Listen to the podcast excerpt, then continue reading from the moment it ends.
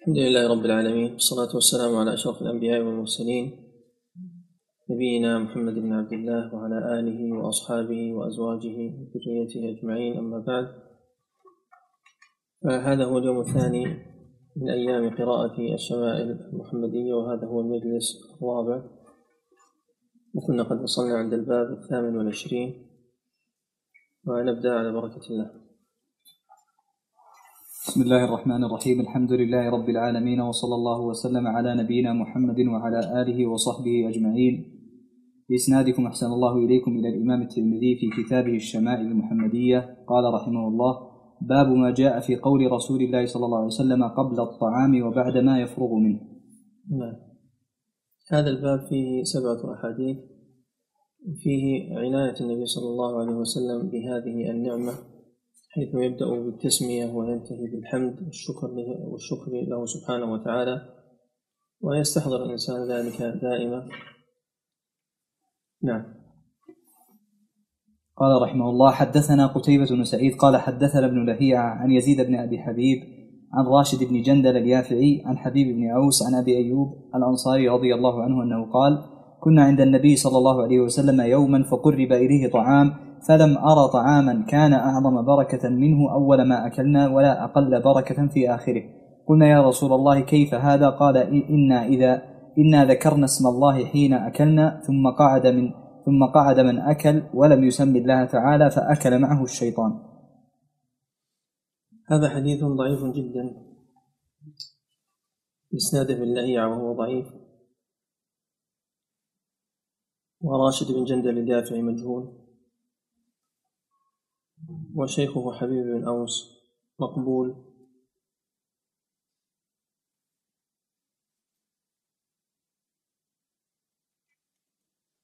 وقد رواه أحمد أيضا. وجاء في صحيح مسلم من حديث حذيفة رضي الله عنه أن النبي صلى الله عليه وسلم قال إن الشيطان يستحل الطعام ألا يذكر اسم الله عليه. وإنه جاء بهذه الجارية ليستحل بها فأخذت بيدها وجاء بهذا الأعرابي ليستحل به فأخذت بيده. والذي نفسي بيده إن يده في يدي مع يدها نعم. حدثنا يحيى بن موسى قال حدثنا أبو داود قال حدثنا هشام الدستوائي عن بديل العقيلي عن عبد الله بن عبيد بن عمير عن أم كلثوم عن عائشة رضي الله عنها أنها قالت قال رسول الله صلى الله عليه وسلم إذا أكل أحدكم فنسي أن يذكر الله تعالى على طعامه فليقل بسم الله أوله وآخره. نعم هذا حديث صحيح. وأبو داود هو الطيالسي. والحديث قد رواه هنا وفي الجامع ورواه أبو داود السجستاني والنسائي وأحمد وابن ماجه. فهو حديث ثابت. نعم. حدثنا عبد الله بن الصباح الهاشمي البصري قال حدثنا ابن الأعلى عن معمر عن عبد الأعلى. قال حدثنا ابن الأعلى. عبد الأعلى. عبد الأعلى. نعم. ليس عبدو نعم. حدثنا عبد الأعلى. حدثنا عبد الأعلى عن معمر عن هشام بن عروة عن أبيه عن عمر بن أبي سلمة أنه دخل على رسول الله صلى الله عليه وسلم وعنده طعام فقال ادنو يا بني. فسم الله تعالى وكل بيمينك وكل مما يليك. هذا حديث متفق عليه.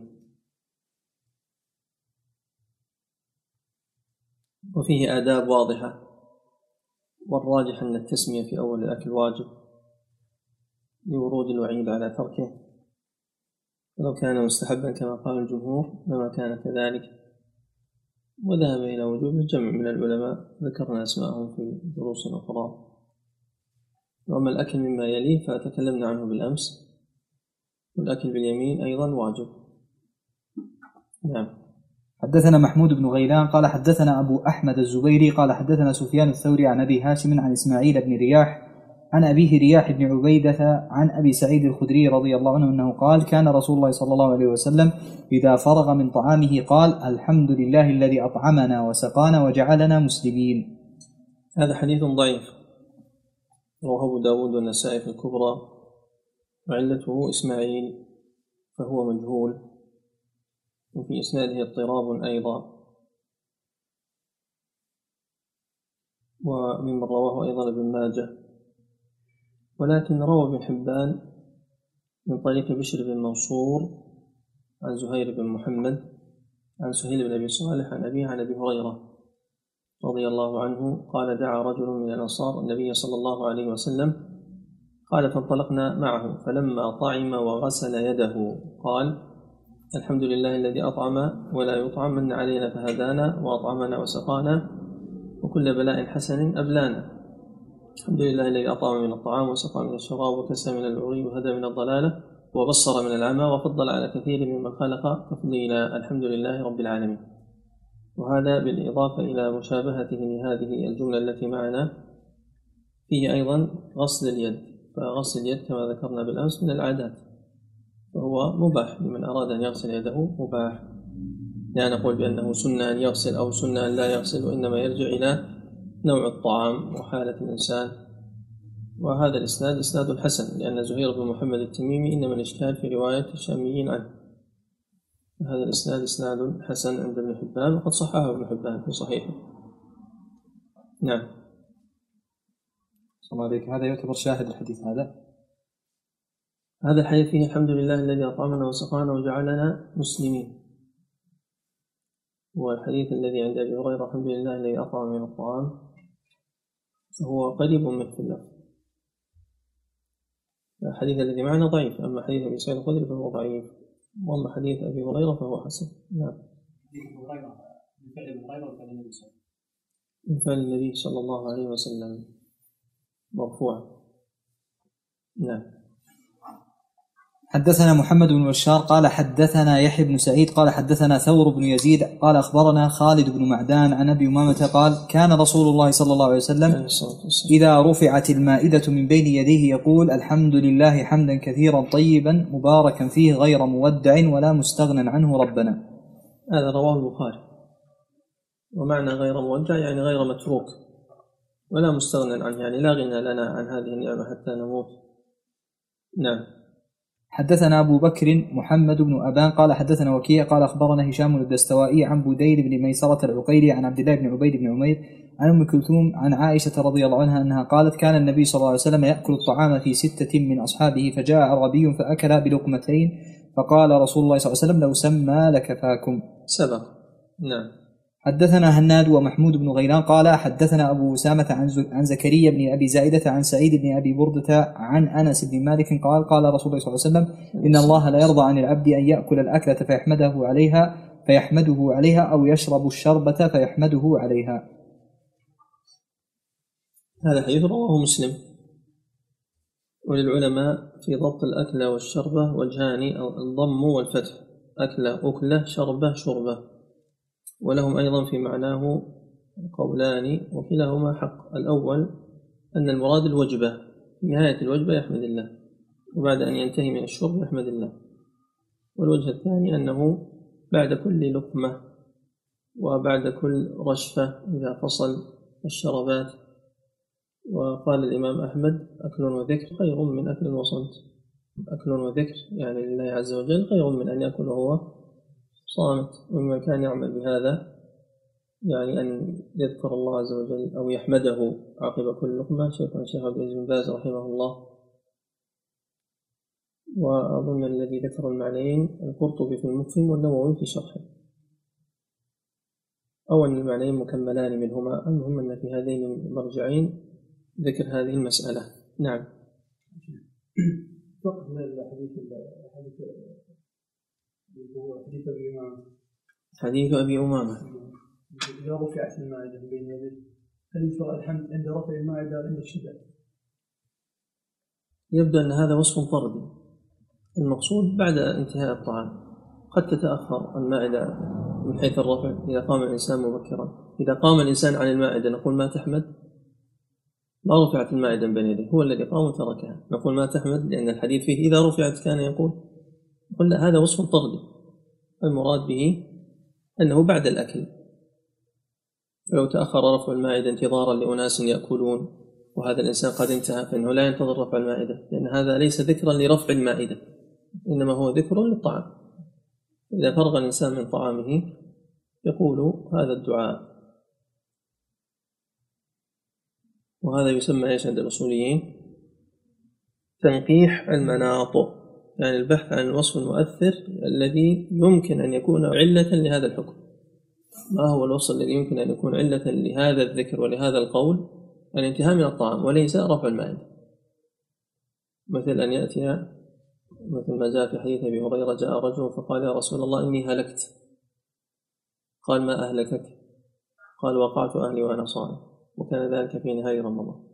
فهل كل من قال إني هلكت نقول له أعتق رقبة كما قيل لذلك الرجل؟ ليس هذا الذي كان سببا في أن يقال له أعتق رقبة.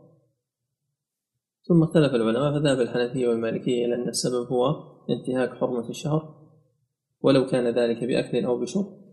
وذهب الحنابلة والشافعية إلى أنه لا بد أن يكون بوقاع وفي نهار رمضان. من الصائم. نعم. باب ما جاء في قدح رسول الله صلى الله عليه وسلم. عليه الصلاة والسلام. المراد بالقدح الإناء الذي يؤكل ويشرب فيه. وفيه حديثان نعم. حدثنا الحسين بن الأسود البغدادي بن الأسود البغدادي قال حدثنا عمرو بن محمد قال حدثنا عيسى بن طهمان عن ثابت قال أخرج إلينا أنس بن مالك قدح خشب غليظا مضببا بحديد فقال يا ثابت هذا قدح النبي صلى الله عليه وسلم. عليه الصلاة والسلام. وهذا حديث قد رواه البخاري. رواه البخاري عن أنس بنحوه. وأما بهذه الألفاظ فهذا عند المصنف. والمضبب الضبة هي ما يوضع في شق القدح أو الإناء ليلتئم. يعني مثل اللحام الآن. قد يضبب بالحديد وقد يضبب بالفضة وقد يضبب بالذهب. ولكن الراجح أن التضبيب بالذهب لا يجوز وإنما التضبيب جائز بالفضة إذا كان لحاجة وكان يسيرا لوروده في صحيح البخاري. على خلاف بين العلماء في من قام بذلك. هل هذا وعلى كل احتمال فالحجة قائمة لأنه يحتمل أن يكون الذي فعل ذلك هو النبي صلى الله عليه وسلم فتكون سنة فعلية. ويحتمل أن يكون الذي فعل ذلك أنس في حياة النبي صلى الله عليه وسلم فتكون سنة إقرارية. ويحتمل أن يكون فعله أنس بعد وفاة النبي صلى الله عليه وسلم فيكون فعل صحابي. فكيفما قلبتها فهي حجة. واتخاذ القدح من خشب هذا فيه دليل على جوازه. أن يكون القدح من خشب كل إنسان في كل عصر وفي كل مصر يتخذ القدح المناسب له. نعم.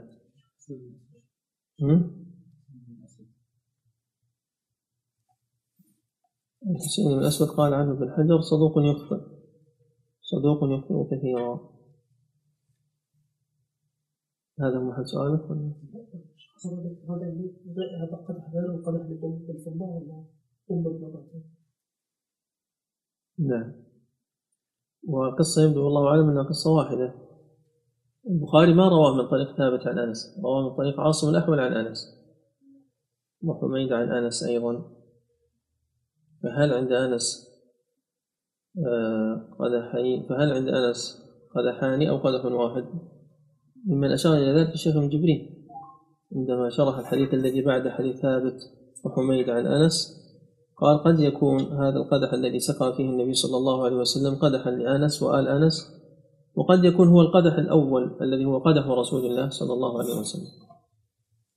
على الاحتمال الذي ذكره الشيخ هناك قدح لأنس وآل أنس كان يسقي به النبي صلى الله عليه وسلم وقدح آخر للنبي صلى الله عليه وسلم. ممكن يكون الذي ضبب بالفضة هو قدح النبي صلى الله عليه وسلم والذي ضبب بالحديد غيره. ولو أردنا أن نجمع وأن نرجح فلا شك أن الذي في البخاري أصح. لأن هذا فيه الحسين يخطئ كثيرا وذلك إسناد في البخاري من أصح الأسانيد. يعني لو كان التعارض قائما فكونه من فضة مقدم على كونه من حديد. نعم. حدثنا عبد الله بن عبد الرحمن قال أنبأنا عمرو بن عاصم قال أنبأنا حماد بن سلمة قال أنبأنا حميد وثابت عن أنس قال لقد سقيت رسول الله صلى الله عليه وسلم بهذا القدح الشراب كله الماء والنبيذ والعسل واللبن. وهذا حديث صحيح رواه مسلم وفيه أن كل هذه مما شربه النبي صلى الله عليه وسلم والنبيذ هو ما يعني هو الماء الذي يوضع فيه شيء ليحليه ويغير طعمه فإذا لم يترك مدة طويلة ويشتد ويصل إلى درجة الإسكار فهو مباح جائز. والأنبذة موجودة الآن. نعم. باب ما جاء في صفة فاكهة رسول الله صلى الله عليه وسلم. عليه الصلاة والسلام. وهذا الباب فيه سبعة أحاديث. نعم. حدثنا إسماعيل بن موسى الفزاري قال حدثنا إبراهيم بن سعد عن أبيه عن عبد الله بن جعفر قال كان النبي صلى الله عليه وسلم القث- القثاء بالرطب. هذا حديث متفق عليه والقثاء إما أنه خيار أو نوع منه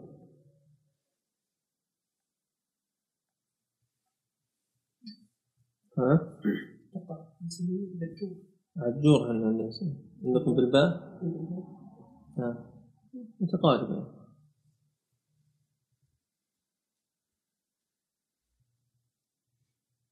ادع لنا ربك يخرج لنا مما تنبت الأرض من بقلها وقثائها وفومها وعدسها وبصلها وتكلم المفسرون عند هذه الآية عن معنى القثاء. نعم. حدثنا عبدة بن عبد الله الخزاعي البصري قال حدثنا معاوية بن هشام عن سفيان عن هشام بن عروة عن أبيه عن عائشة أن النبي صلى الله عليه وسلم كان يأكل البطيخ بالرطب. ورواه أيضا في جامعه ورواه النسائي وأبو داود وهذا إسناد حسن. نعم.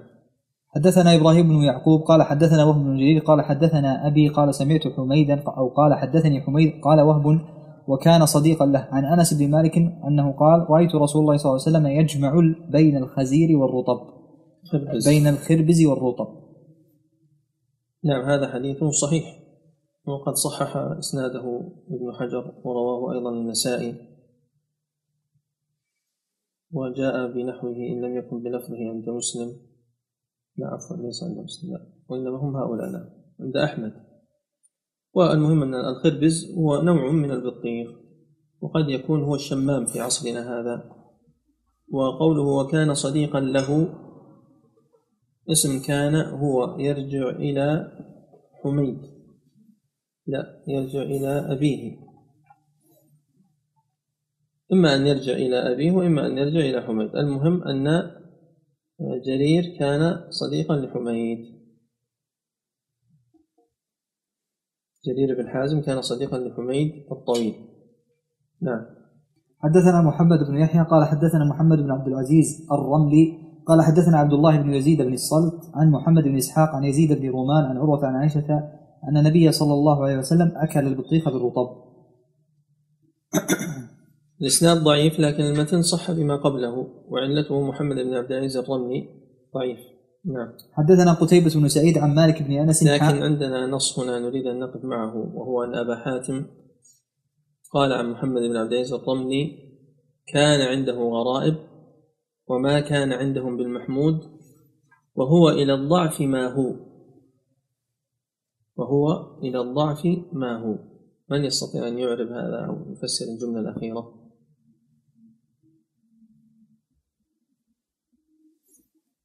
ما مر عليكم في صحيح مسلم قول النبي صلى الله عليه وسلم عن الدجال بل إلى المشرق ما هو بل إلى المشرق ما هو؟ طيب المعنى واحد. إذا فهمت الحديث استطعت أن تفسر هذا. وإن لم تكن فاهما للحديث فلن تستطيع أن تفسر هذا.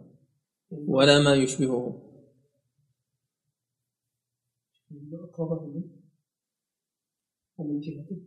أحسنت. أنت أتيت بالمعنى لكن بقي الإعراب. ما هذه موصولة ولا نافية ولا مصدرية ولا زائدة ولا ما هي؟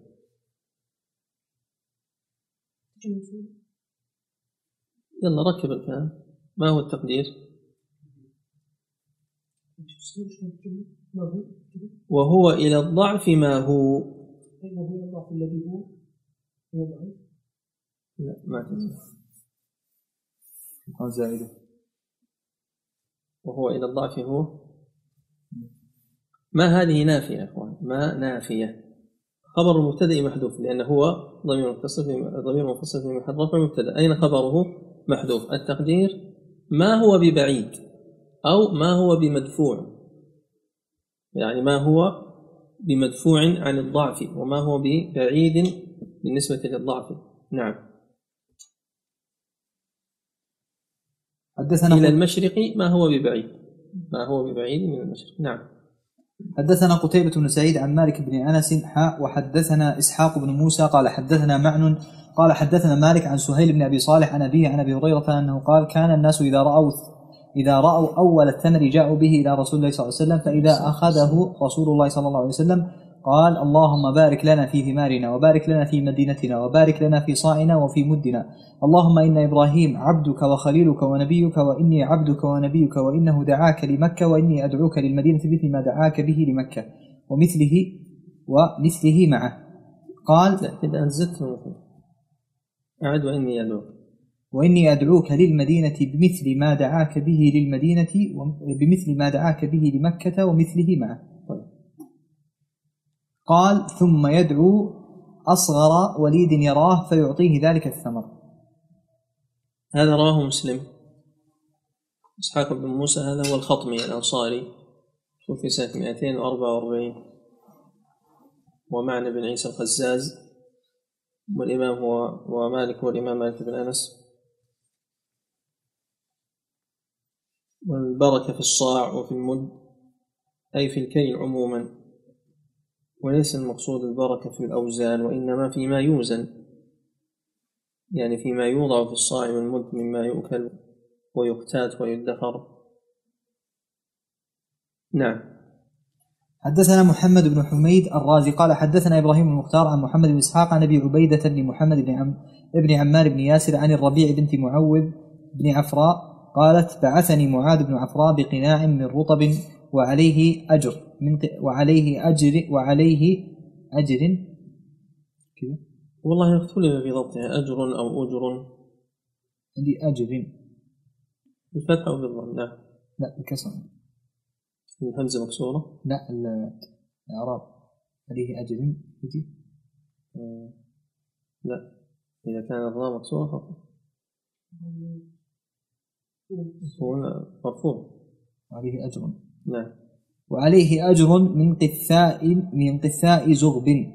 وكان النبي صلى الله عليه وسلم يحب القثاء فأتيته به وعنده حلية. قد قدمت عليه من البحرين فملأ يده منها فأعطانيه. حدثنا علي بن حجر قال حدثنا شريك عن عبد الله بن محمد بن عقيل عن الربيع بنت معوذ بن عفراء قالت أتيت النبي صلى الله عليه وسلم بقناع من رطب وأجر زغب فأعطاني ملء كفه حلية أو قالت ذهبا نعم هذان حديثان بهذا الحديث بهذين الإسنادين وكلاهما ضعيف. الأول في محمد بن حميد الرازي ضعيف وشيخه إبراهيم المختار ضعيف وأبو عبيدة أيضا فيه جهالة أبو عبيدة بن عمار بن ياسر فيه جهالة. والثاني علته شريك وشيخه عبد الله بن محمد بن عقيل أيضا ضعيف. ومعنى بعثني معاذ بن عفراء بقناع أي بطبق من رطب. والرطب معروف. وأما الأجر أو الأجر فهو جمع جرو وهو صغير القثاء. صغير القثاء. أجر من القثاء يعني الصغار من هذا النوع. زغب. أصل الزغب هو الشعرات أو الشيء الذي عليه شعر. فلعله كان نوعا منه والله أعلم. وفيه تفسير هذه الحلية التي أعطيت مكافأة للربيع بأنها ذهب. وفي هذا إيناس الصغير وفيه أيضا المكافأة على ما يعطيه الإنسان وفيه أيضا قصة حصلت لعبد الملك بن مسلم الفقيه الأموي مولاه هذه القصة حكاها يحيى بن بكير. قال أبطأ حبيب. فقال مالك ليقرأ بعضكم. من هو حبيب؟ قارئ مالك حبيب الحبيب الذي كان يقرأ عند الإمام مالك. لما تأخر قال ليقرأ بعضكم. فقرأ عبد الملك بن مسلمة. فلما مر بابن شهاب قال شهاب. يقصد الزهري الشيخ مالك. كان يقول شهاب شهاب فعل ذلك مرارا وضجر مالك. قال يحيى وقرأ لنا على مالك في النذور. فقال فقربت إليه جزءا وفتى مكسورا. فضحك مالك. وقال جرو قثاء مكسورا خلاها جزءا وفتى مكسورا فقال له مالك جرو قثاء مكسورا عافاك الله. لماذا دعا له بالعافية؟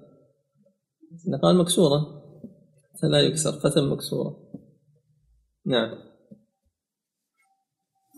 فالحديث ضعيف بإسنادين. نعم. باب ما جاء في صفة شراب رسول الله صلى الله عليه وسلم حدثنا ابن أبي عمر قال حدثنا سفيان عن معمر عن الزهري عن عروة عن عائشة قالت كان أحب الشراب إلى رسول الله صلى الله عليه وسلم الحلو البارد. نعم هذا حديث ضعيف. معلول لأن ظاهره الصحة لكنه معلول. رواه هنا وفي جامعه ورواه النسائي وأحمد. وبين هذه العلة الترمذي بين أن من رواه عن الزهري مرسلا قوله أصح. فعندنا الآن ابن عيينة عن معمر عن الزهري عن عروة عن عائشة. هذا مسند. رواه غير واحد عن ابن عيينة فجعله عن ابن عيينة عن معمر عن الزهري مرسلا من مراسيل الزهري. عبد الله بن المبارك أيضا عن معمر وممن رواه عن وممن رواه عن ابن عيينة مرسلا يونس وهو من أوثق الناس فيه. نعم. فلف هذا الحديث الصواب فيه سبق معنا أن النبي صلى الله عليه وسلم كان يحب الحلوى والعسل. أما الحلوى البارد فهذا ضعيف. نعم.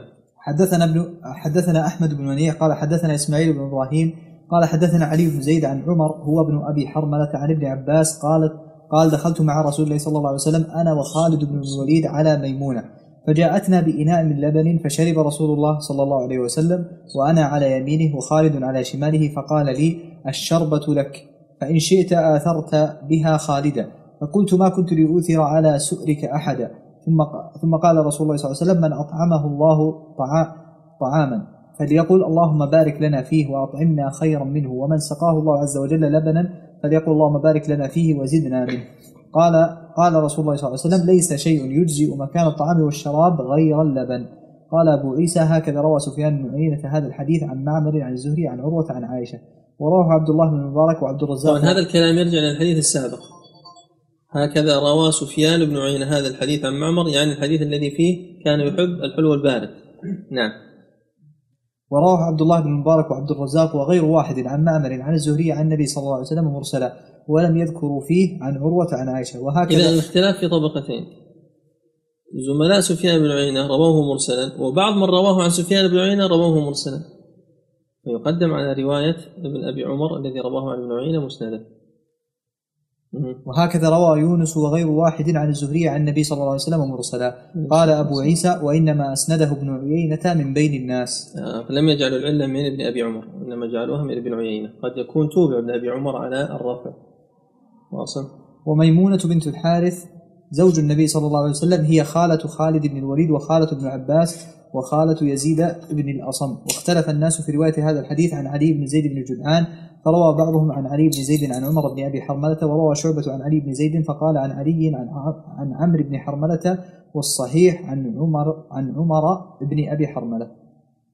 نعم هذا الحديث ضعيف لأن فيه علي بن زيد بن جدعان ولكن جاء في الصحيحين من حديث أنس أن النبي صلى الله عليه وسلم أتي بقدح قد شيب فشرب وعن يساره أبو بكر وعن يمينه أعرابي فأعطى فضله للأعرابي في بعض الروايات فتله في يده. وقال الأيمنون الأيمنون أو الأيمن فالأيمن وقال الشيخ ابن جبرين الساقي يعطي من طلب. يعني إذا كان هناك شخص طلب الماء فإنه يبدأ به. فهنا النبي صلى الله عليه وسلم هو الذي طلب الماء. وقيل يقدم الكبير. وقد اجتمع خالد بن الوليد وابن عباس في بيت ميمونة وخالد أكبر من ابن عباس. وهذا الحديث دل على أن السنة أن الشارب إذا شرب يعطي من عن يمينه. إلا إذا سمح من عن يمينه فإنه يعطيه من شرب. فإذا قدم الشيء ابتداء يعني ليس هناك طالب. أتوا بطيب أو أتوا ضيافة أو غير ذلك. فهل يبدأ باليمين أو يبدأ بالأكبر؟ لا إذا كان هناك طالب يبدأ بالطالب. إذا لم يكن هناك طالب فاختلف العلماء في ذلك. منهم من قال يبدأ بالأيمن عمل بحديث الأيمن ولا أيمنون منهم من قال يبدأ بالأكبر. والظاهر والله أعلم أن البدء بالأيمن هو بعد البدء بالأكبر. يعني إذا أعطي الأكبر أو الأعلم أو الذي في الذي يستحق التقديم يعطى من عن يمينه. نعم. يمين الأكبر كما قال صلى الله عليه وسلم أعطى من عن يمين. باب ما جاء في شرب رسول الله صلى الله عليه وسلم. ضيف الرجل ثم سمح لي على الأيمن أن يضيف الايسر يعني يكمل عن الجهة اليسرى هكذا ولا يرجع للايمن بعد أن سمح له؟ لا يرجع للأيمن بعد أن سمح له يعني يعطي الأيسر الرجل ثم يعيد اليمين طبعا هناك حالات كثيرة. قد يكون هذا آخر شخص على اليمين لا يوجد على اليمين غيره. وهو سمح لكل من على اليسار فيكمل. يكمل جهة اليسار. قد يكون هناك غيره فغيره لم يتنازل عن حقه. ويلاحظ أن هذا في هذا العصر من باب الكرامة لكن في مثل أعصاره من باب الحاجة. يعني قد يكون الإنسان ما يجد إلا هذا الذي بين يديه. قد ينفذ قبل أن يصله الدم. صح ولا لا؟ فلذلك مراعاة هذا في حقهم كان أحق وأدق. وأما الآن فالناس يتنازلون وغالبا يؤثرون غيرهم في مثل هذا لكن يبقى أن السنة حاكمة على الجميع. نعم. باب ما في جاء كلام لابن عبد البر في مسألة التقديم أيضا ممن تكلم عن هذه المسألة ابن عبد البر. ومشايخنا عموما تكلم عن هذه المسألة. نعم. باب ما جاء في شرب رسول الله صلى الله عليه عليه وسلم الصلاة والسلام. في هذا الباب عشرة أحاديث. نعم.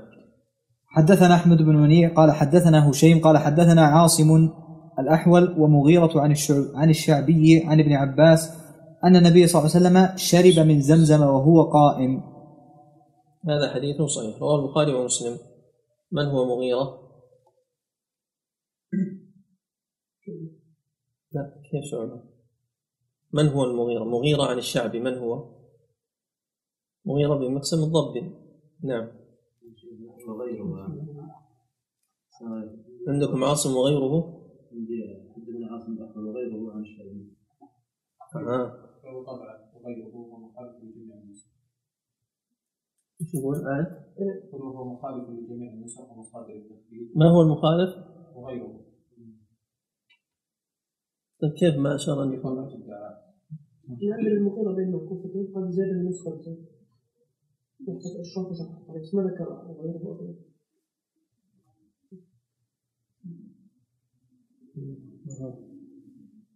عندك مغير؟ عندي مغيرة نعم. مغير بن منشور بن مقسم الضبي. نعم. حدثنا قتيبة بن سعيد قال حدثنا محمد بن جعفر عن حسين المعلم عن عمرو بن شعيب عن أبيه عن جدي قال رأيت رسول الله صلى الله عليه وسلم يشرب قائما وقاعدا. هذا حديث حسن. سلسلة عمرو بن شعيب عن أبيه عن جده من السلاسل الحسنة إذا صح الإسناد إلى عمرو. يعني إذا لم يكن الإسناد إلى عمرو ضعيفا. نعم. حدثنا علي بن حجر قال حدثنا ابن المبارك عن عاصم بن الأحول عن الشعبي عن ابن عباس قال سقيت النبي صلى الله عليه وسلم من زمزم فشرب وهو قائم.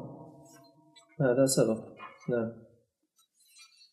حدثنا أبو كريب محمد بن علاء ومحمد بن طريف الكوفي قال حدثنا ابن الفضيل عن الأعمش عن عبد الملك بن ميسرة عن النزال عن سبر عن النزال بن سبرة قال أتي علي متى؟ قال أتى أتي. آه طيب. أوتي يمكن أحسن أتي علي بكوز من ماء وهو في الرحب وهو في الرحبة. فأخذ منه كفا فغسل يديه ومضمض واستنشق ومسح وجهه وذراعيه ورأسه ثم شرب وهو قائم ثم قال هذا وضوء من لم يحدث هكذا رأيت رسول الله صلى الله عليه وسلم فعل هذا رواه البخاري والرحبة في الكوفة. نعم. حدثنا قتيبة بن سعيد ويوسف بن حماد قالا حدثنا عبد الوارث بن سعيد عن أبي عاصم عن أنس مالك أن النبي صلى الله عليه وسلم كان يتنفس في الإناء ثلاثا إذا شرب إذا شرب ويقول هو أمرأ وأروى. هذا رواه مسلم. وأمرأ يعني أسوغ. يعني أسهل نزولا وانصياغا وأما الكلمة التي بعدها إيش؟ وأروى. أروى من الري يعني أكثر ريا وأكثر إذهابا للعطش. نعم. وفي بعض الروايات زيادة أبرأ قد يكون في خارج الصحيح أو ينظر أين هو. أهنأ وأمرأ وأبرأ أظن عند أحمد. نعم. السابق هذا الوضوء من لم يكن. هل يشرع الوضوء لكل صلاة. لمن لم يحدث الوضوء العادي المعروف نعم نعم. كل الإنسان يتوضأ لكل صلاة هذا جيد لأن المحافظة على الوضوء فيها أجر كبير. وكل ما توضأ الإنسان فإنه تتحاد خطاياه. ولكن ذكر أبو العباس ابن تيمية ضابطا وهو أن يكون الوضوء الأول قد فعل به شيئا مما يفعل بالوضوء من تلاوة القرآن أو طواف أو صلاة. بحيث لا يتوضأ دون أن يفعل شيئا وضوءا آخر حتى لا يدخل في الوسوسة. نعم. حدثنا علي بن خشرم قال قال حدثنا عيسى بن يونس عن دشتين بن كريب عن أبيه عن ابن عباس أن النبي صلى الله عليه وسلم كان إذا شرب تنفس مرتين. نعم. هذا الحديث ضعيف. علته رشدين ابن كريب. وهو ضعيف. قال يحيى بن معين رشدينين ليسا برشيدين رشدين بن كريب ورشدين بن سعد. ما قال رشدينان مع أن القياس يرفع لكنه قال رشدينين. قد يكون يعني بكلام عام عندهم. رشدينين ليس برشيدين حتى يعني يكتمل الجناس. يعني متقارب الكلمتين صحيح. على كل حال التنفس عند الشرب قد جاء في أحاديث أخرى صحيحة. أن النبي صلى الله عليه وسلم كان يتنفس في الإناء ثلاثا سبق معنا والمقصود في الإناء يعني يفصل الإناء ويبين الإناء عن فمه عند التنفس. نعم. حدثنا ابن أبي عمر قال حدثنا سفيان عن يزيد بن يزيد بن جابر عن عبد الرحمن بن أبي عمرة عن جدته كبشة قالت دخل علي النبي صلى الله عليه وسلم فشرب من في من في قربة معلقة قائمة فقمت إلي إلى فيها فقطعته. في نسخة من قربة معلقة قائمة. وهذا حديث صحيح.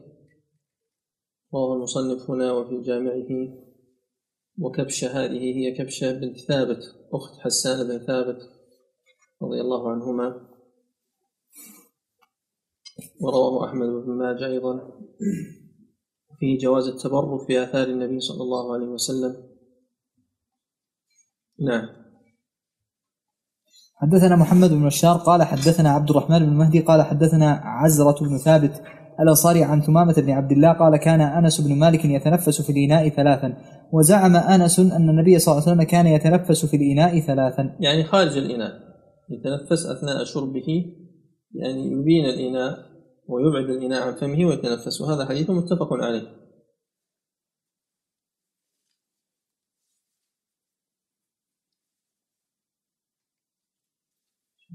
نعم. التنفس الإناء هل هو الفصل يعني يفصل آه، بقصد ولا عندما لا يستطيع التنفس لا يفصل بقصد. لأن رجلا جاء إلى النبي صلى الله عليه وسلم وقال إني لا أروى قال أبني أبني القدح عن فيك. يعني افصله لا تشرب شربة واحدة. وذكر ابن القيم في زاد المعاد فوائد ذلك.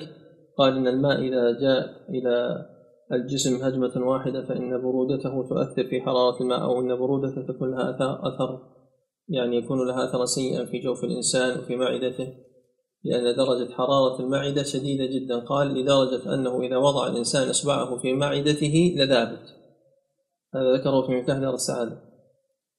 وحينئذ فكونه يفصل هذا يعطي استعداد للمعدة. بعد الشربة الأولى والشربة الثانية والشربة الثالثة يكون المعدة قد تهيأت بورود الماء عليها شيئا فشيئا والشريعة كلها حكم موافقة للطب ومن عمل بها فإنه سيكسب هذه المصالح بالإضافة إلى الأجر والثواب.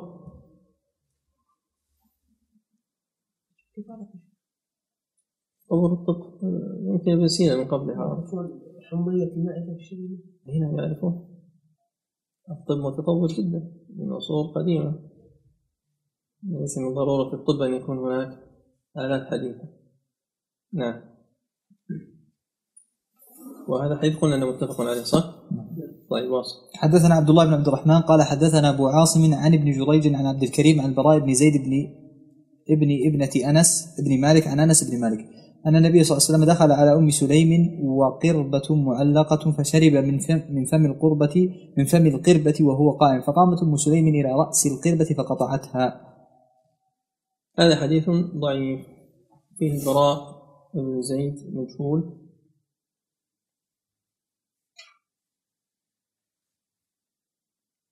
نعم. ولكن المتن جاء فيما سبق. نعم. حدثنا أحمد بن نصر النيسابوري قال حدثنا إسحاق بن محمد الفروي قال فروي عندي بإسكان الراء عندي في الفروي.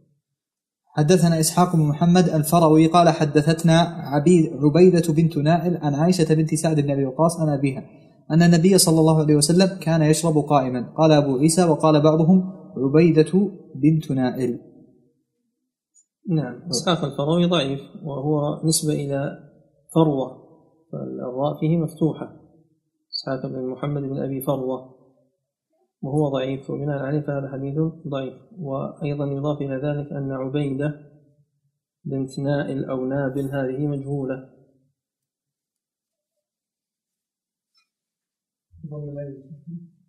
عندكم بالفتح؟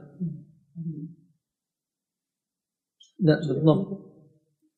عبيدة أولا هذا هو الأصل ثانيا آه، ذكر الدار الضم عبيدة بنت نائل أو نابل الضم. لم خطأ. لا الباء مفتوحة من عبيد نعم. عبيدة بنت نائل ولا شك أن الأفضل والأولى في الإنسان أن يشرب قاعدا ولكن ما حكم الشرب قائما فيه للعلماء أقوال. القول الأول كراهة الشرب قائما مطلقا. أنه مكروه. لماذا؟ لأنه قد جاء النهي في صحيح مسلم في عدة أحاديث.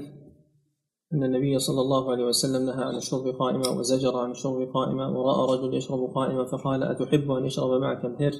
قال لا قال قد شرب معك من هو شر من ذلك الشيطان.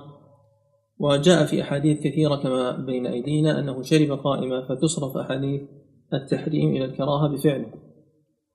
والحديث الذي واضح في التحريم ينسخ يقال يقال أن الزجر الذي ورد في الحديث الأخير الزجر الشديد يكون منسوخا وهذا كما ترون يعني في حديث ابن عباس وفي حديث علي وفي عبد الله بن عمرو بن العاص كلها أن النبي صلى الله عليه وسلم شرب قائما وهو فعل عامة الصحابة.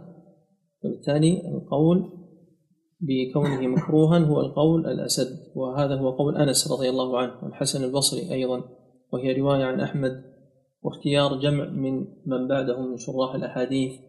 كالخطابي والطبري وابن بطال والنووي بل هو أيضا اختيار ابن تيمية وابن حجر. فالأسد في هذه المسألة أن الشرب قائما مكروه ليس بمحرم. لكن هناك أقوال أخرى كما أشرنا هناك من قال بالإباحة مطلقا بلا كراهة. وهؤلاء يعني جمع كبير من الصحابة ورد عنهم فعل ذلك. فإما أن تكون الأحاديث التي فيها التحريم آه، قد بلغتهم وعلموا بنسخها وإما أنهم يكونوا قد فهموا كما فهم أصحاب القول الأول لأنه بعض الأحاديث وردت قولية وبعضها وردت فعلية. عمر وعلي وعثمان وابن عمر وأبو هريرة وابن الزبير وعائشة وسعد والحسين رضي الله عنهم تسعة من الصحابة. فهذا فيه رد على من يقول بالتحريم. كيف يكون فعل يفعل تسعة من الصحابة؟ وإذا أضفت إليهم أنس صاروا عشرة ونقول بالتحريم؟ يعني طمر هذه ال- ال- الحقبة التحريم طمر الصحابة جاء ممن بعدهم. لا يمكن أن يكون هؤلاء لا يفهمون النصوص. أو يقال خفي على كل هؤلاء. لا- لا يليق مثل هذا. وممن قال بالإباحة مطلقا سالم وطاووس وسعيد بن جبير والشعبي والنخعي وزاذان. وأما من حيث المذاهب فهو قول مالك وأصحابه والحنابلة. ذهبوا إلى الإباحة بلا كراهة. الإباحة بلا كراهة مالك والحنابلة. القول الثالث كراهته إلا من زمزم وبعد الوضوء.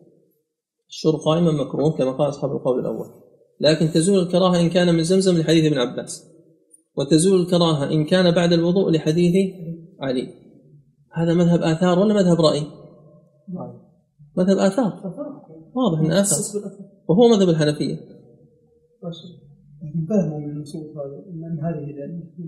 ما في علة. عمل بجميع النصوص.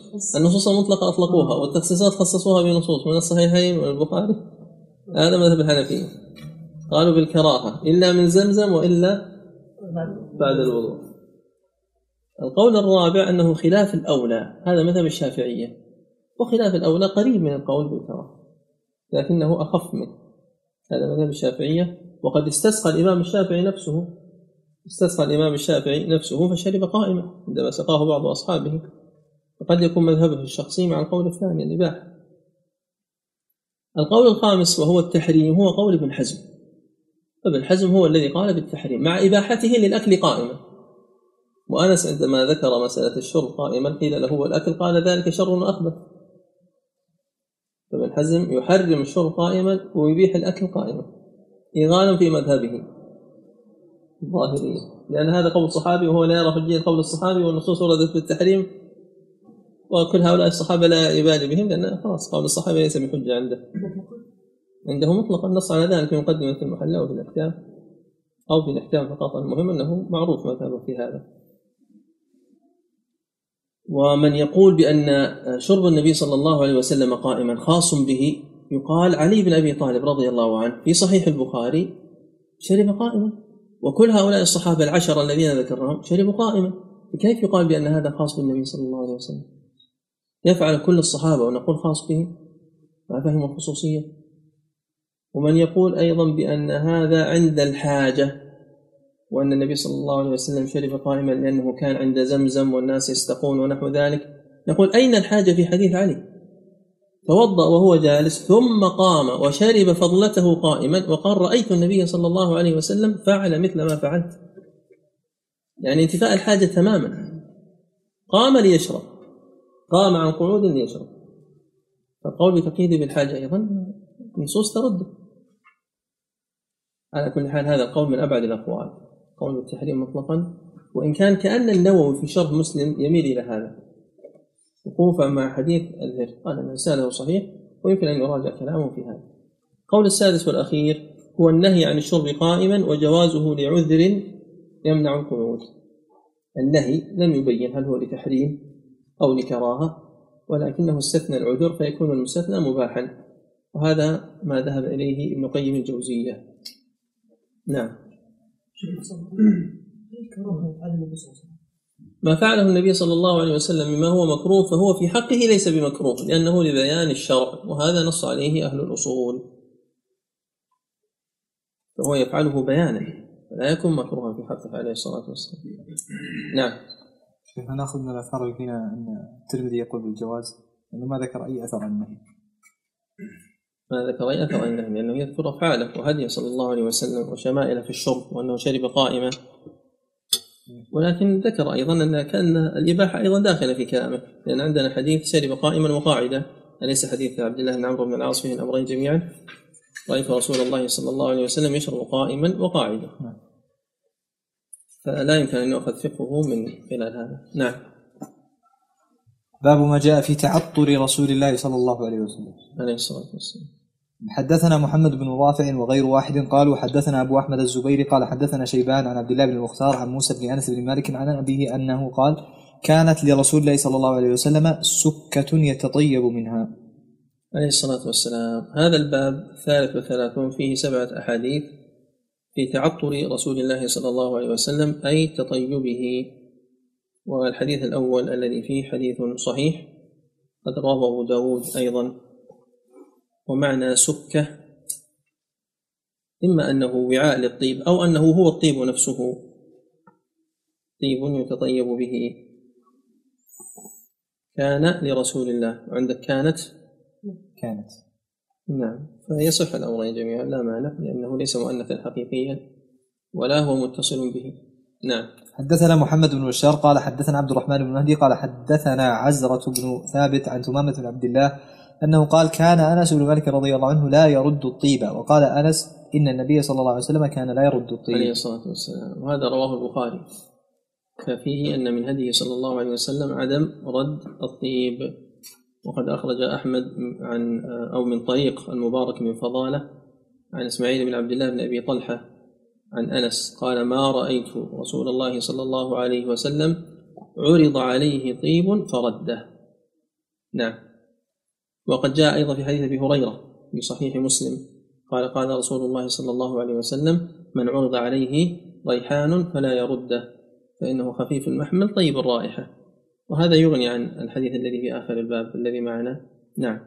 حدثنا قتيبة بن سعيد قال حدثنا ابن أبي فديك عن عبد الله بن مسلم بن جندب عن أبيه عن ابن عمر أنه قال قال رسول الله صلى الله عليه وسلم ثلاث لا ترد الوسائد والدهن واللبن. طيب في بعض النسخ والدهن والطيب وهذا يخالف ما في أوله لأنه قال ثلاث وعلى ذلك ستصبح أربعة. هي ثلاث لا ترد وليست أربعة. ولماذا لم يقل ثلاثة؟ مع أنها أشياء. ثلاثة أشياء لا ترد. والعدد يخالف المعدود. أحسنت لأن المعدود لم يذكر. إذا حذف المعدود جاز لك في العدد التذكير والتأنيث. نعم. مثل حديث أبي أيوب الأنصاري أن النبي صلى الله عليه وسلم قال من صام رمضان ثم أتبعه بست من شوال كان كصيام الدهر. رواه مسلم. آه نعم هذا الحديث أخرجه هنا وفي جامعه ورواه أيضا ابن حبان والطبراني وأبو نعيم في تاريخه والبيهقي في الشعب وغيرهم. وهو حديث معلول حديث معلول يعني ظاهره الصحة ولكن له علة خفية جدا. ولذلك قال عنه الترمذي حديث غريب وقال عنه أبو حاتم حديث منكر وقال ابن قيم الجوزية معلول. وإن كان قد ذكر بعد ذلك في زاد المعاد أنه لا تحضره ما الذي قيل فيه يعني ما هي علته لا يحضره. ظاهر الإسناد أن يقتضي الصحة والحسن. ولكن ما هي علته؟ يعني لا يمكن لهؤلاء العلماء أن يقولوا بذلك عبثا. فإما أن تظهر لنا العلة فنبينها ويكون ذلك حجة علينا في القول بما قالوا به. وإما أن لا تظهر فحينئذ يبقى الإنسان مخيرا لو اختلفوا. ولو جاء عنه قولين فحينئذ يعمل له أن يعمل بظاهر الإسناد. لكن العمل بظاهر الإسناد مع وجود مثل أقوالهم ينبغي أن يحترز الإنسان منه ويتخوف. لماذا؟ لأنه قد تكون له علة وخفيت عليه. فإما أن يتوقف وإما أن يقدم عند عند البيان. ولذلك قالوا ظن فأمضى أو وقف فأحجم مع كونه ظاهره أن سلم. عندما ذكر العراقي ما يتعلق بباب العلل قال إن الجهبذ إذا نظر في الإسناد هو يتردد. لماذا؟ لأن ظاهره الصحة فإما أن يمضي كلامه ويعمل بما ظهر له وإما أن يتوقف فيحجم ولا يحكم على هذا الحديث بصحة أو بضعف. إذا علة هذا الحديث هو أن هذا ليس من حديث عبد الله بن مسلم بن جندب بل من حديث عبد الله بن مسلم بن هرمز. بدل جندب هرمز وعليه سينقلب الحكم تماما. بدلا من أن يكون حسنا سيكون الحديث ضعيفا. وقد ذكر ذلك ابن حبان في المجروحين في ترجمة عبد الله بن مسلم بن هرمز. وأن يحيى القطان وعبد الرحمن بن مهدي كانا لا يحدثان عنه. وأن ابن معين ضعفه وزاد القيسراني في أطراف المجروحين. تكلم فيه النسائي والدار قطني وابن حبان عفوا وأحمد. وكل هذا تضعيف لعبد الله بن مسلم بن هرمز الذي هو الصواب في هذا الحديث. محمد بن إسماعيل بن أبي فديك ثقة. والطرق تصب إليه. فإذا نظر الإنسان إلى هذا الإسناد كما هو فإنه يحسنه. ولذلك الألباني رحمه الله تكلم عن الترمذي أنه استغربه وقال إسناده حسن ومن أعله فلم يصنع شيئا. الشيخ الألباني رحمه الله. بل قال ما هو أشد من ذلك لأنه قال في الصحيحة قال أبو حاتم منكر وهو مردود. وهو مردود. كيف يقول أبو حاتم منكر؟ هذا إسناد صحيح. وأرسل إليه أحد الناس يعني أظنه الله أعلم هو سماه ما نعرفه إنسان غير معروف لكن قد يكون من طلاب الشيخ من كتبه يعني تتلمذ على كتب الشيخ. أرسل إليه رسالة يستنكر فيه في تلك الرسالة تحسين الشيخ لهذا الحديث. يقول له إن هذا حديث ضعيف. فذكر الشيخ رسالته ورده عليه. فالصحيح أن هذا الحديث حديث معلول. لا يبدو والله أعلم أن التلميذ ما بين له. لأن الشيخ ما ذكر هذه العلة ذكر ما في رسالته والرد عليه وما ذكر هذه العلة. قالها ابن حبان. نعم العلة أظهرها ابن حبان وابن حبان ذكر هذا الحديث من أحاديث عبد الله بن مسلم بن هرمز. وقال إن هناك من قال عبد الله بن مسلم بن جندب وهو بأحاديث ابن هرمز أشبه. فابن حبان وضح الأمر تمام المجروحين ازال الإشكال. ثلاث لا ترد. طبعا عندما ذكر هذا أيضا المصنف في جامعه أفاد فائدة وهي أن الدهن الطيب فسر الدهن بالطيب. وهذا تفسير مهم فإن بعض الناس يظن الدهن ما يؤكل وهو الشحم. أو أن الشحم معطوف عليه مع الطيب كما في نسختنا والدهن والطيب. حتى قال قائلهم قد كان من سيرة خير الورى صلى الله عليه طول الزمن أن لا يرد الطيب والمتكى واللحم أيضا يا أخي واللبن. يقصد باللحم الشحم يعني. وحصل هذا عند بعض المعاصرين يقول قدم له شحم وهذا يأكل يقدم الشحم وهذا يأكل. يقول الحديث الدهن لا يرد الدهن لا يرد. يقول بغى يقتلني. يقول الدهن لا يرد. في الأخير عرف أن الدهن هو الطيب. فعدم الرد عدم رد الطيب ثابت في صحيح البخاري. عدم رد هذه الثلاثة حديث ضعيف. بل قد جاء أظن عند الترمذي أو غيره عندما دخل ولد حاتم الطائي. عدي بن حاتم الطائي عندما دخل على النبي صلى الله عليه وسلم ألقى إليه وسادة فما قبلها أو عبد الله بن عمرو بن العاص. أو عبد الله بن عمرو بن العاص. فبقيت الوسادة بين النبي صلى الله عليه وسلم وبين الصحابي ما قال له الوسائد لا ترد وعليك أن تجلس عليها. صح ولا لا؟ هذا مما يعل به هذا الحديث. نعم لكن من كان يضره الطيب إما لمرض أو نحوه فإذا أمكنه أن لا يرد ويضعه في موضع من جسده لا يلحقه به ضرر فحسن. وإن لم يتمكن فهو معذور في الرد والله أعلم. قد يقول قائل إن الرد محرم بناء على ذلك. يقول لا إذا كان الانسان يلحقه ضرر فله ان يعتذر إنسان عنده حساسية مثلا أو به جرح. لأن أحيانا بعض الجروح تتبيض وتتأثر قد تصل إلى درجة الموت إذا جاءها الطيب. يسمى شمم ولا؟ نعم. حينئذ يقول لو أمكن يضع في مكان بعيد مثلا في أطراف ثوبه أو تحت أو في مكان بعيد بحيث أن الناس يستفيدون منه يشمون الرائحة الحسنة منه وهو لا يتضرر فحسن التهديد؟ لا هذا ليس فيه لا, لا يرد وإنما كان لا يرد. النبي صلى الله عليه وسلم من فعله ومن شمائله وهديه أنه كان لا يرد لكن لم ينهى عن ذلك. وإنما جاء النهي في حديث أبي هريرة من عرض عليه الريحان فلا يرده. فاختلف العلماء. بناء على هذا هل لا يرد الريحان فقط أو لا يرد الطيب عموما؟ عدم رد الطيب هذا في حديث أنس وعدم رد الريحان قوليا من حديث أبي هريرة عند مسلم. ثم الجهة الأخرى هل هذا على التحريم أو على الكراهة من جهة كونه متعلقا بالآداب على رأي الجمهور؟ هذا يحتاج إلى تأمل الله أعلم. نكمل. حدثنا محمود بن غيلان قال حدثنا أبو داود الحفري عن سفيان عن الجويري عن أبي نضرة عن رجل هو الطفاوي. عن أبي هريرة قال قال رسول الله صلى الله عليه وسلم طيب الرجال ما ظهر ما ظهر ريحه وخفي لونه. وطيب النساء ما ظهر لونه وخفي ريحه. ورواه في جامعه أيضا وأبو داود والنسائي وأحمد.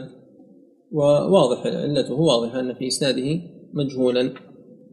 الرجل هو الطفاوي هذا مجهول. اختلاط سعيد بن ياس الجريري ليس بشديد فما يؤثر. نعم.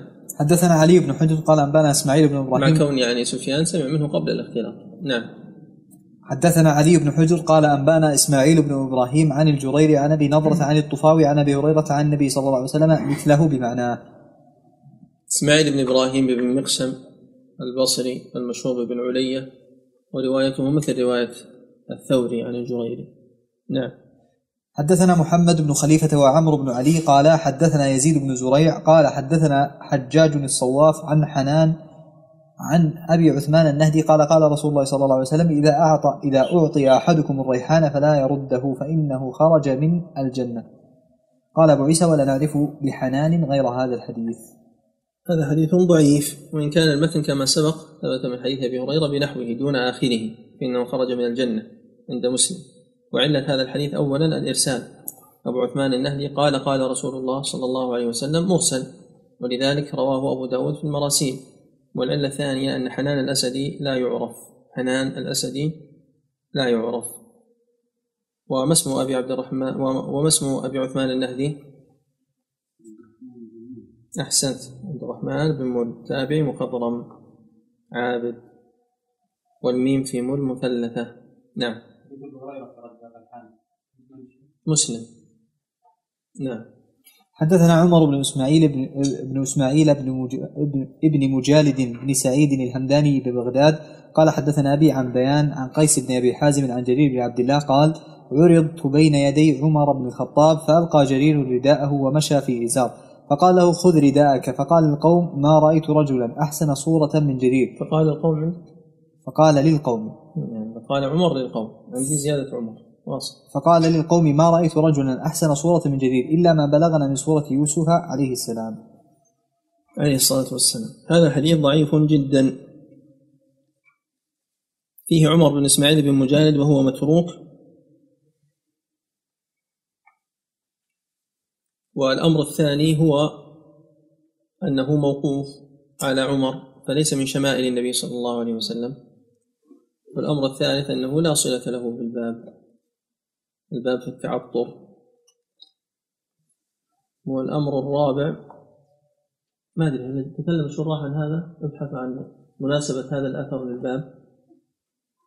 الأمر الرابع أنه لا شك في جمال جرير بن عبد الله البجلي رضي الله عنه. لولا جرير هلكت بجيلا نعم الفتى وبئست القبيلة على ما قال القائل. وسأسرد لكم جماعة ممن وصف بالجمال من الصحابة رضوان الله عليهم. ويمكن أن يكمل هذا من خلال الإصابة ونحوها من الكتب.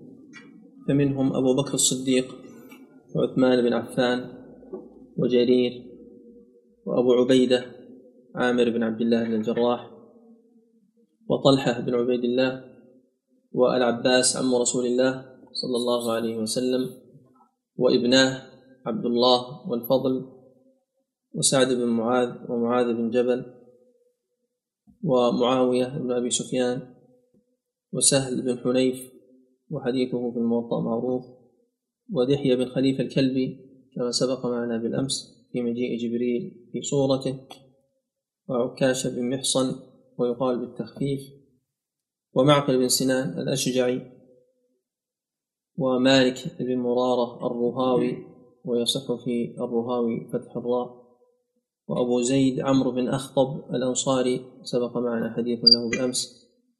وعبد الله بن أبي ربيعة المخزومي وقتادة بن ملحان القيسي وهو ممن روى حديث صوم الأيام البيض عند النسائي. وقتادة بن النعمان وله ذكر في البخاري. وأسيد من ذرية الفطيون كم عددهم؟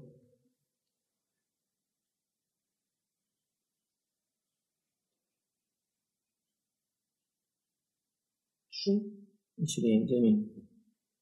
أسيد من؟ أسيد من ذرية الفطيون هكذا. مما يدخل في هذا الباب هذه فقرة أخيرة نختم بها هذا الباب مما يدخل في هذا الباب ما صح عن نافع.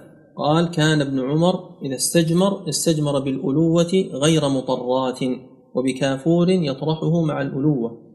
ثم قال هكذا كان يستجمر رسول الله صلى الله عليه وسلم. وهذا رواه مسلم. المؤلف ذكر تعطره بالدهن ويضاف التعطر بالبخور أيضا. هذا يشمل البخور والألوة عود البخور وغير مطراه أي بالدهن وغيره من الأخلاط. الآن العود النقي يوضع معه أشياء تحسنه وتجمل رائحته. هذا لا غير مطرى يعني خالص نقي صافي ليس معه أخلاط. وروى ابن سعد في الطبقات والخطيب في الجامع من طريق يزيد بن أبان الرقاشي وعرفت حاله. عن أنس قال كنا نعرف خروج النبي صلى الله عليه وسلم بريح الطيب. ويزيد كما تعرفون متروك. ورواه الطبراني في الأوسط بنحوه من طريق عمر بن سعيد الأبح عن سعيد بن أبي عروبة عن قتادة عن أنس. والأبح قال عنه البخاري منكر الحديث. ويغني عنه ما رواه النسائي. وأحمد بسند حسن عن أنس. قال قال رسول الله صلى الله عليه وسلم حبب إلي من الدنيا الطيب والنساء. أو النساء أو النساء والطيب. وقد أعله العقيدي بسلام أبي المنذر لكنه صدوق. هذا حديث حسن. نكمل. وين؟ ذكر هذا في نعم. كما يقول إن مناسبة تعرض الجليل لباب تعرض رسول الله صلى الله عليه وسلم غير ظاهرة ولعله من ملحقات بعض المشاق سهوا قاله ميراث وقال ابن حجر وجهه أن أن طيب الصورة يلزمه غالبا طيب ريحها فيه إيماء إلى تعطر الصحابة ابتداء بالنبي صلى الله عليه وسلم في تعطره انتهى بزيادة ولا يفهم فيه من تكلف التعسف والأقرب أن الترجمة حذفا تقديري تقديره وحسن صورة الأصحاب وعرضهم على ابن الخطاب وهذا أيضا متكلف متكلف من حجر أحسن من تكلف هذا ذكره من حجر؟ في ماذا؟ يعني نقل عن ابن حجر أن في هذا أن طيب الرائحة مستلزم أو أن طيب الصورة مستلزم من طيب الرائحة بينهما تقارب وأن الصحابة كانوا يعتسون بالنبي صلى الله عليه وسلم في ذلك طيب في الشرح الآخر في شيء؟ ما أن الحديث ليس له علاقة بهذه الترجمة ولا شيء متكلف في هذا نظير الصورة يلزمه غالبا ضيف فيه إمام أيضا فيه إمام من التعطف نقول على الظاهر أحسن. حديث لا علاقة له بالباب. نعم. باب كيف كان كلام رسول الله صلى الله عليه وسلم. عليه الصلاة والسلام. هذا الباب فيه ثلاثة أحاديث. نعم. حدثنا حميد بن مسعدة البصري قال حدثنا حميد بن الأسود عن أسامة بن زيد عن الزهري عن عروة عن عائشة قال ما كان رسول الله صلى الله عليه وسلم يسرد. سردكم هذا ولكنه كان يتكلم بكلام بين فصل يحفظه من جلس إليه. آه، جملة السرد علقها البخاري ورواها مسلم في صحيحه وهذا الحديث بتمامه رواه المصنف هنا وفي جامعه وأبو داود وهو حديث صحيح. وعدم السرد معناه سرد الحديث يعني الإتيان به بسرعة كما جاء في الصحيحين من حديث عائشة أيضا. أن النبي صلى الله عليه وسلم إنما كان حديثه فصلا تفهمه القلوب وأنه صلى الله عليه وسلم إن كان ليحدث الحديث لو شاء العاد أن يحصيه. نعم. واصل حدثنا محمد بن يحيى قال حدثنا أبو قتيبة سلم بن قتيبة. نعم. أبو قتيبة سلم بن قتيبة عن عبد الله بن مثنى عن ثمامة عن أنس مالك قال كان رسول الله صلى الله عليه وسلم يعيد الكلمة ثلاثا لتعقل عنه. هذا رواه البخاري. نعم. حدثنا كان. إذا تكلم تكلم ثلاثا وإذا سلم سلم ثلاثا من حديث أنس. نعم. حدثنا سفيان بن وكيع قال حدثنا جميع بن عمر بن عبد الرحمن العجلي قال حدثني رجل من بني تميم من ولد أبي هالة زوج خديجة يكنى عبد يكنى أبا عبد الله عن ابن لأبي هالة عن الحسن بن علي قال سألت خالي هند, هند بن أبي هالة وكان وصافا فقلت صف لي منطق رسول الله صلى الله عليه وسلم. قال كان رسول الله صلى الله عليه وسلم متواصل الأحزان دائم الفكرة ليست له راحة.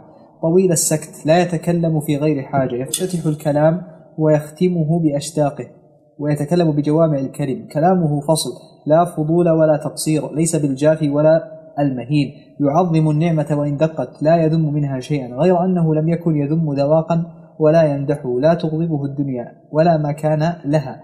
فإذا تعدي الحق لم يقم لغضبه شيء حتى ينتصر له ولا يغضب لنفسه ولا ينتصر لها.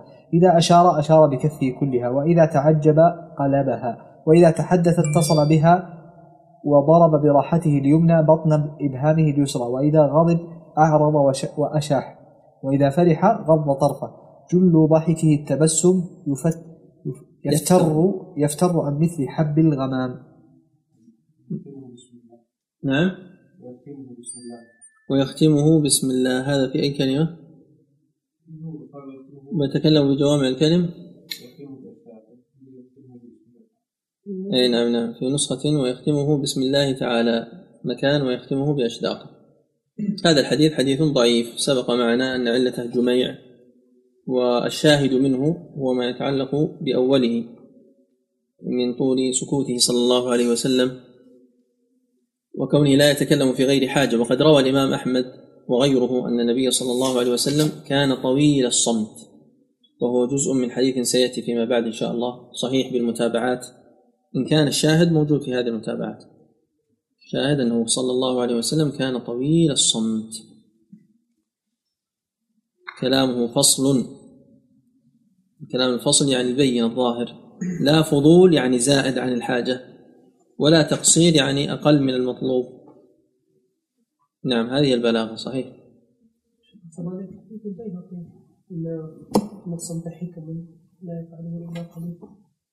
صحيح هذا من حديث البلوغ. اللي يذكر أن فيه ضعف والله. لو تخرج إسناده نشوف. لكن يعني لا إطناب ولا إيش؟ ولا إخلال.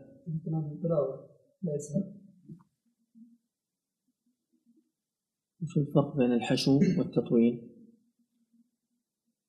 الإطلاق والإطالة في محل الإطالة نعم.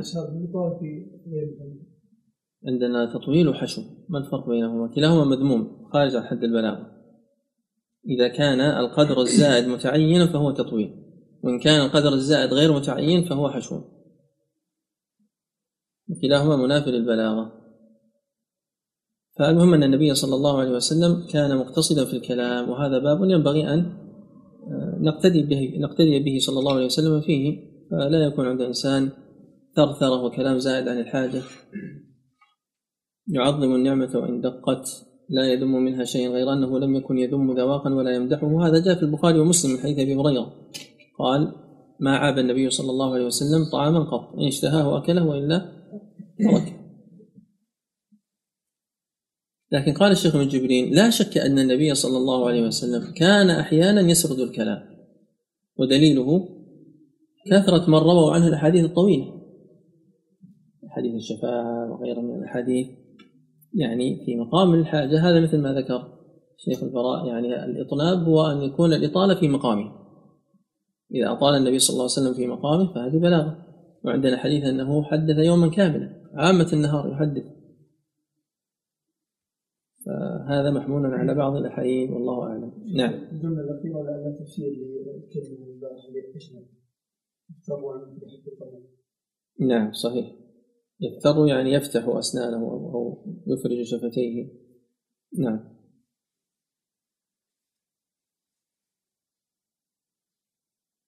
كلمة الباقي واضحة إن شاء الله. أشاح بمعنى أعرض. واصل. باب ما جاء في ضحك رسول الله صلى الله عليه وسلم. عليه الصلاة والسلام. وهذا باب فيه تسعة أحاديث. حدثنا أحمد بن منيع قال حدثنا عباد بن العوام قال أخبرنا الحجاج وهو ابن أرطاح عن سماك بن حرب عن جابر بن سمرة قال كان في ساقي رسول الله صلى الله عليه وسلم حموشه وكان لا يضحك إلا تبسما فكنت إذا نظرت إليه قلت أكحل العينين وليس بأكحل. هذا حديث ضعيف في حجاج بن أبطاه وهو ضعيف. وحموشة بمعنى دقة. أكحل العينين يعني كأنه قد اكتحل. في عينيه سواد في حوافها كأنه قد استعمل الكحل. نعم. ترى الناس سكارى وما هم بسكارى. أكحل العينين وليس بأكحل يعني أن كحله طبيعي خلقة دون أن يستعمل الكحل. نعم. حدثنا قتيبة بن سعيد قال أخبرنا ابن لهيعة عن عبيد الله بن المغيرة عن عبد الله بن الحارث بن جز رضي الله عنه أنه قال ما رأيت أحدا أكثر تبسما من رسول الله صلى الله عليه وسلم. عليه الصلاة والسلام. وهذا حديث ضعيف فيه عبد الله بن لهيعة وهو ضعيف. وقد رواه هنا وفي جامعه وأحمد. نعم. حدثنا أحمد بن خالد الخلال قال حدثنا يحيى بن إسحاق السيلحاني قال حدثنا ليث بن سعد عن يزيد بن أبي حبيب عن عبد الله بن حارث رضي الله عنه قال ما كان ضحك رسول الله صلى الله عليه وسلم إلا تبسما. هذا قال صحيح. قال أبو عيسى هذا الحديث غريب من حديث ليث بن سعد. الغرابة لا تنافي الصحة. لذلك صححه في جامع فهو حديث صحيح. حدثنا أبو عمار الحس- الحسين بن حريث قال حدثنا وكيع قال حدثنا الأعمش عن الم... عن المعرور بن سويد. عن أبي ذر عن أبي ذر رضي الله عنه قال قال رسول الله صلى الله عليه وسلم إني لأعلم أول رجل يدخل الجنة وآخر رجل يخرج من النار يؤتى بالرجل يوم القيامة فيقال اعرضوا عليه صغار ذنوبه ويخبأ عنه كبارها. فيقال له عملت يوم كذا وكذا كذا وكذا. وهو مقر لا ينكر وهو مشفق من كبارها. فيقال أعطوه مكان كل سيئة عملها حسنة. فيقال فيقول إن لي ذنوبا ما أراها هنا. قال أبو ذر فلقد رأيت رسول الله صلى الله عليه وسلم ضحك حتى بدت نواجذه. هذا حديث صحيح رواه مسلم. حدثنا أحمد بن منيع قال حدثنا معاوية بن عمرو قال حدثنا زايد عن بيان عن قيس بن أبي حازم عن جرير بن عبد الله. قال ما حجبني رسول الله صلى الله عليه وسلم منذ أسلمت ولا رآني إلا ضحك. هذا حديث متفق عليه ولكن جاء في رواية أخرى إلا تبسم وقد يحمل الضحك على التبسم. نعم. في حدثنا نسخة إيش؟ إلا تبسم. في نسخة إلا تبسم. قد يكون هذا تصحيح من الأصول نحن نريد لفظ الترمذي. فإن كان هذا التصحيح من قبل الترمذي نفسه فحسن. على كل حال يمكن حمل الضحك على التبسم. واصل. ارفع صوتك إيه، ما حجبني يعني ما منعني من الدخول عليه. بيان يا شيخ ها؟ بيان السند منه.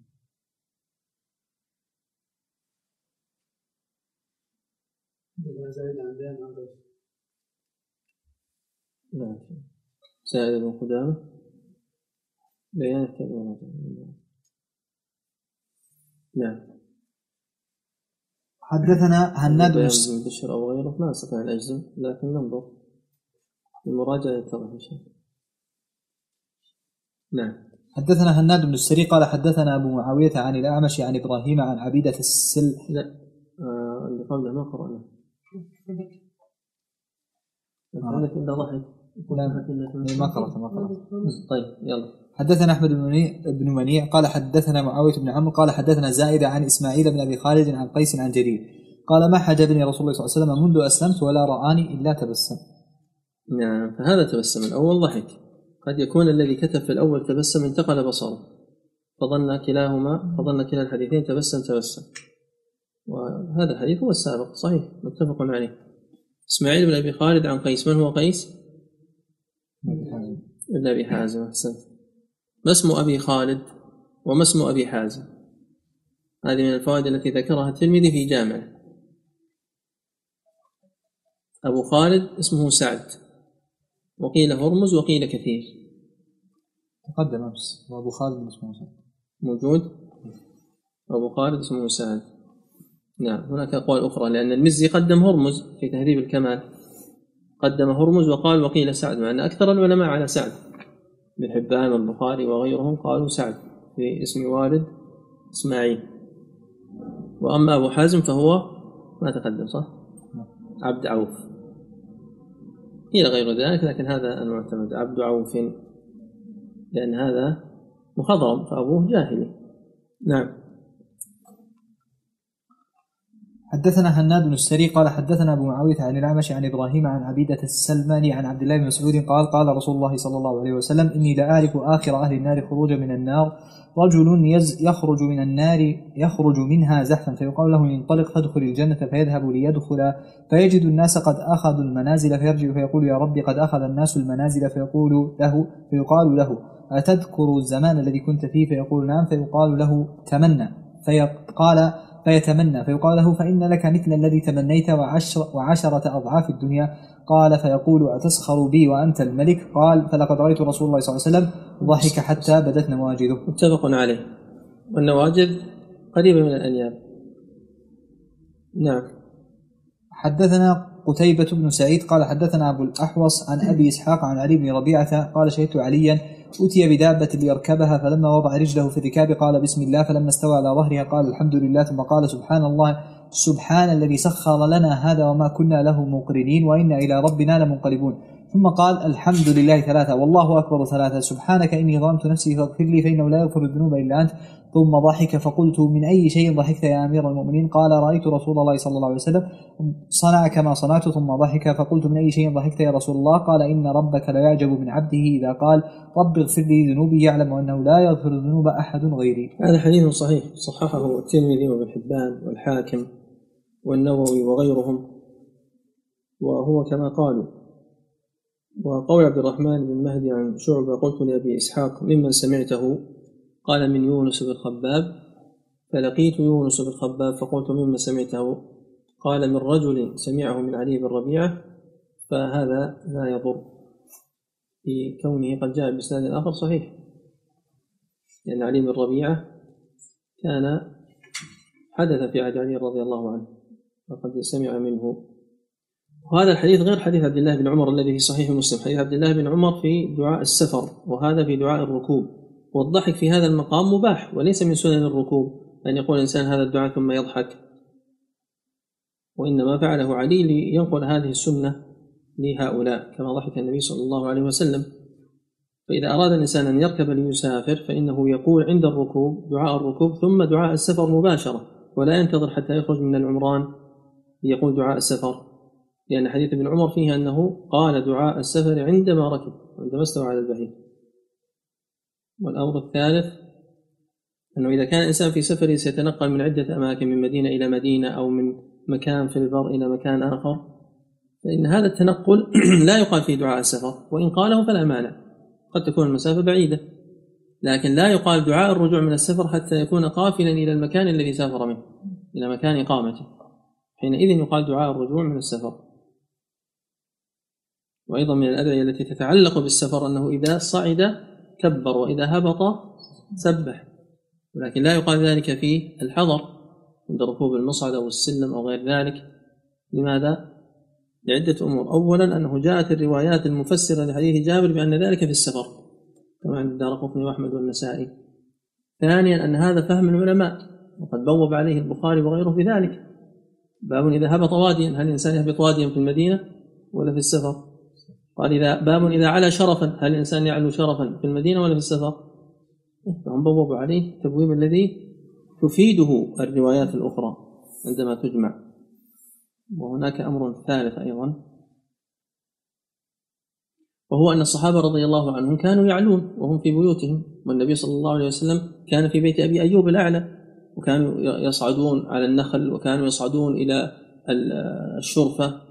وإلى الأدوار العليا وإلى سطوح بيوتهم ها؟ مع أنه لم يصح أن بلال كان يؤذن على سطح بيت لكن النبي صلى الله عليه وسلم عندما اعتزل أهله 29 يوما كان في إيش؟ المشربة عالية وصعد إليه عمر بن الخطاب ولم يرد أنهم كانوا إذا ارتفعوا أو نزلوا يسبحون ويكبرون. دل ذلك على أن هذه من أثار السفر. قد أفتى بذلك الشيخ عبد بن باز رحمه الله. نعم. واصل. حدثنا محمد بن بشار قال حدثنا محمد بن عبد الله الأنصاري قال حدثنا عبد الله بن عون عن محمد بن محمد بن الأسود عن عامر بن سعد قال قال سعد لقد رأيت رسول الله صلى الله عليه وسلم ضحك يوم الخندق حتى بدت نواجذه قال قلت كيف كان؟ قال كان رجل معه ترس وكان سعد راميا وكان يقول كذا وكذا للترس يغطي جبهته بالترس. فنزع له سعد بسهم فلما رفع رأسه رماه فلم يخطئ هذه منه يعني جبهته وانقلب وشال برجله فضحك النبي صلى الله عليه وسلم حتى بدت نواجذه. قال قلت من أي شيء ضحك؟ قال من فعله بالرجل. هذا الإسناد ضعيف لأن محمد بن محمد بن الأسود لا يعرف. لكن رواه مسلم من طريق بكير بن مسمار عن عامر عن أبيه في يوم أحد وليس الخندق. وفيه محل الشاهد من ضحكه صلى الله عليه وسلم. ولا بد أن يختم هذا الباب بأن ضحك النبي صلى الله عليه وسلم كان لسبب ولم يكن هو الغالب عليه. وإنما كان الغالب عليه هو الجد كما سبق معنا طويل الحزن في الحديث الضعيف. ولكن آه الذي أردت أن أقوله جاء أيضا في الأدب المفرد كما سبق معنا بإسناد حسن أن النبي صلى الله عليه وسلم قال إن كثرة الضحك تميت القلب. إياكم وكثرة الضحك أو إياكم والضحك فإن كثرة الضحك تميت القلب وهذا حديث حسن. الله عز وجل قد ذم ذلك فليضحكوا كثيرا وليبكوا فليضحكوا قليلا وليبكوا كثيرا. يعني مهما ضحك الإنسان في الدنيا فإن ضحكه يكون قليلا. أفمن هذا الحديث تعجبون وتضحكون ولا تبكون وأنتم سامدون؟ نعم. باب ما جاء في صفة مزاح مزاح رسول الله صلى الله عليه وسلم. عليه الصلاة والسلام. حدثنا محمود بن غيلان قال حدثنا أبو سامة عن شريك عن عاصم الأحول عن أنس بن مالك قال إن النبي صلى الله عليه وسلم قال له يا ذا الأذنين. هذا الباب فيه ستة أحاديث وهذا الحديث صحيح قد رواه هنا وفي جامعه وأبو داود وصححه ولكن في إسناده شريك فالإسناد ضعيف. وجاء من طريق أخرى الصحة من الطريق الأخرى. من طريق مسلم الحيان عن حفص بن عمر الحوضي قال حدثنا شعبة عن عاصم عن أنس. نعم. قال أبو عيسى قال محمود قال أبو سامة يعني يمازحه. إسناد ضعيف ومثل صحيح. نعم. حدثنا هناد بن السري قال حدثنا وكيع عن شعبة عن أبي التياح عن آه أنس بن مالك قال إن إن كان رسول الله صلى الله عليه وسلم ليخالطنا حتى يقول لأخ لي صغير يا أبا عمير ما فعل النغير. متفق عليه. قال أبو عيسى وفقه هذا الحديث أن النبي صلى الله عليه وسلم كان يمازح وفيه هذه كان الفائدة الأولى. نعم. وأنه كان غلاما صغيرا فقال له يا أبا عمير. هذه وفيه, الفائدة الثانية. نعم. وفيه أنه لا بأس أن يعطى الصبي الطير ليلعب به وإنما قال له النبي صلى الله عليه وسلم يا أبا عمير ما فعل النغير لأنه كان له نغير يلعب به فمات فحزن الغلام عليه فمازحه النبي صلى الله عليه وسلم فقال يا أبا عمير ما فعل النغير. وأنشدنا الشيخ ابن جبريل عند هذا الحديث كعصفورة في كف طفل يسيمها بأنواع الأذى والطفل يلهو ويلعب. الحديث متفق عليه. ومنهم من ألف جزءا في فوائده ونكمل إن شاء الله بعد الصلاة وصلى الله وسلم على نبينا محمد وعلى آله وصحبه أجمعين.